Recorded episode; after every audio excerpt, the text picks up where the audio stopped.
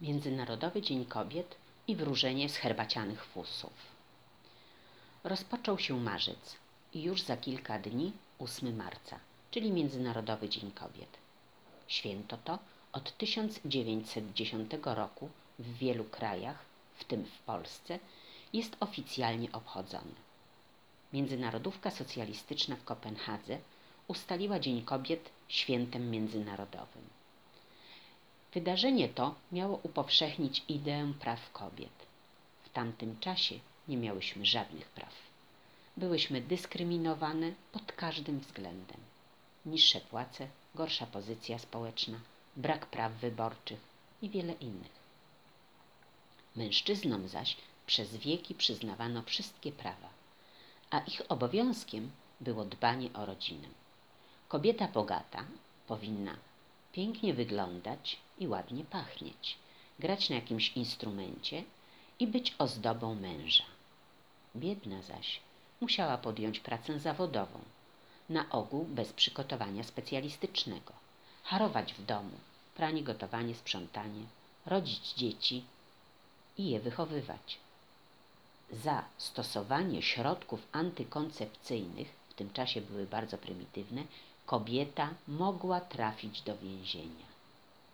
Taki model życia kobiet zalecany był przez Kościół. Międzynarodowy Dzień Kobiet szczególnie fetowany był w PRL.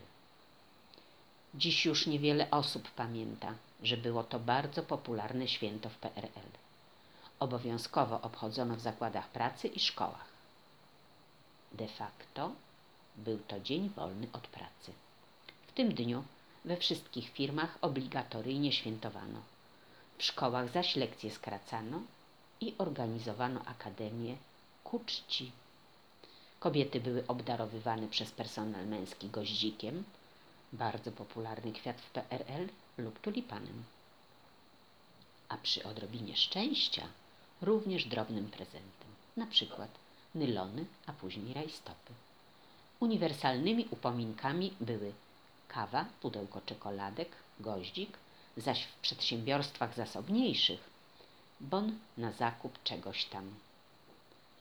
Dziś nie ma już oficjalnych procedur obchodzenia Dnia Kobiet. Świętowanie zależy wyłącznie od inwencji bliskich kobiecie mężczyzn i niekiedy zakładów pracy. Ale, ale, panowie, prezenty są nadal mile widziane. I to nie tylko brylanty czy perły. Może to również być paczuszka wykwintnej herbaty. Pozwoli to po jej wypiciu zabawić się we wróżenie z herbacianych fusów. Wróżenie z herbacianych fusów. To przepowiadanie przyszłości znane już w starożytnych czasach. Należy dodać, że fusy kawowe do tych celów zaczęto używać znacznie później. Jak wróżymy? Pora na krótką instrukcję. A zatem przygotowujemy dla osoby, której wróżymy, herbatę w porcelanowej filiżance. Oczywiście liściastą lub zmieloną kawę.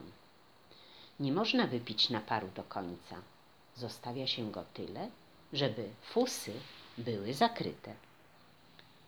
Następnie, trzymając za uszko filiżankę w lewej ręce, kręci się nią trzykrotnie, zgodnie z kierunkiem ruchu wskazówek zegara.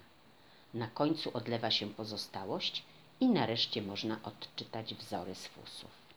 Pamiętajmy, fusy ułożone bliżej łóżka filiżanki to ważne sprawy dla osoby, której wróżymy.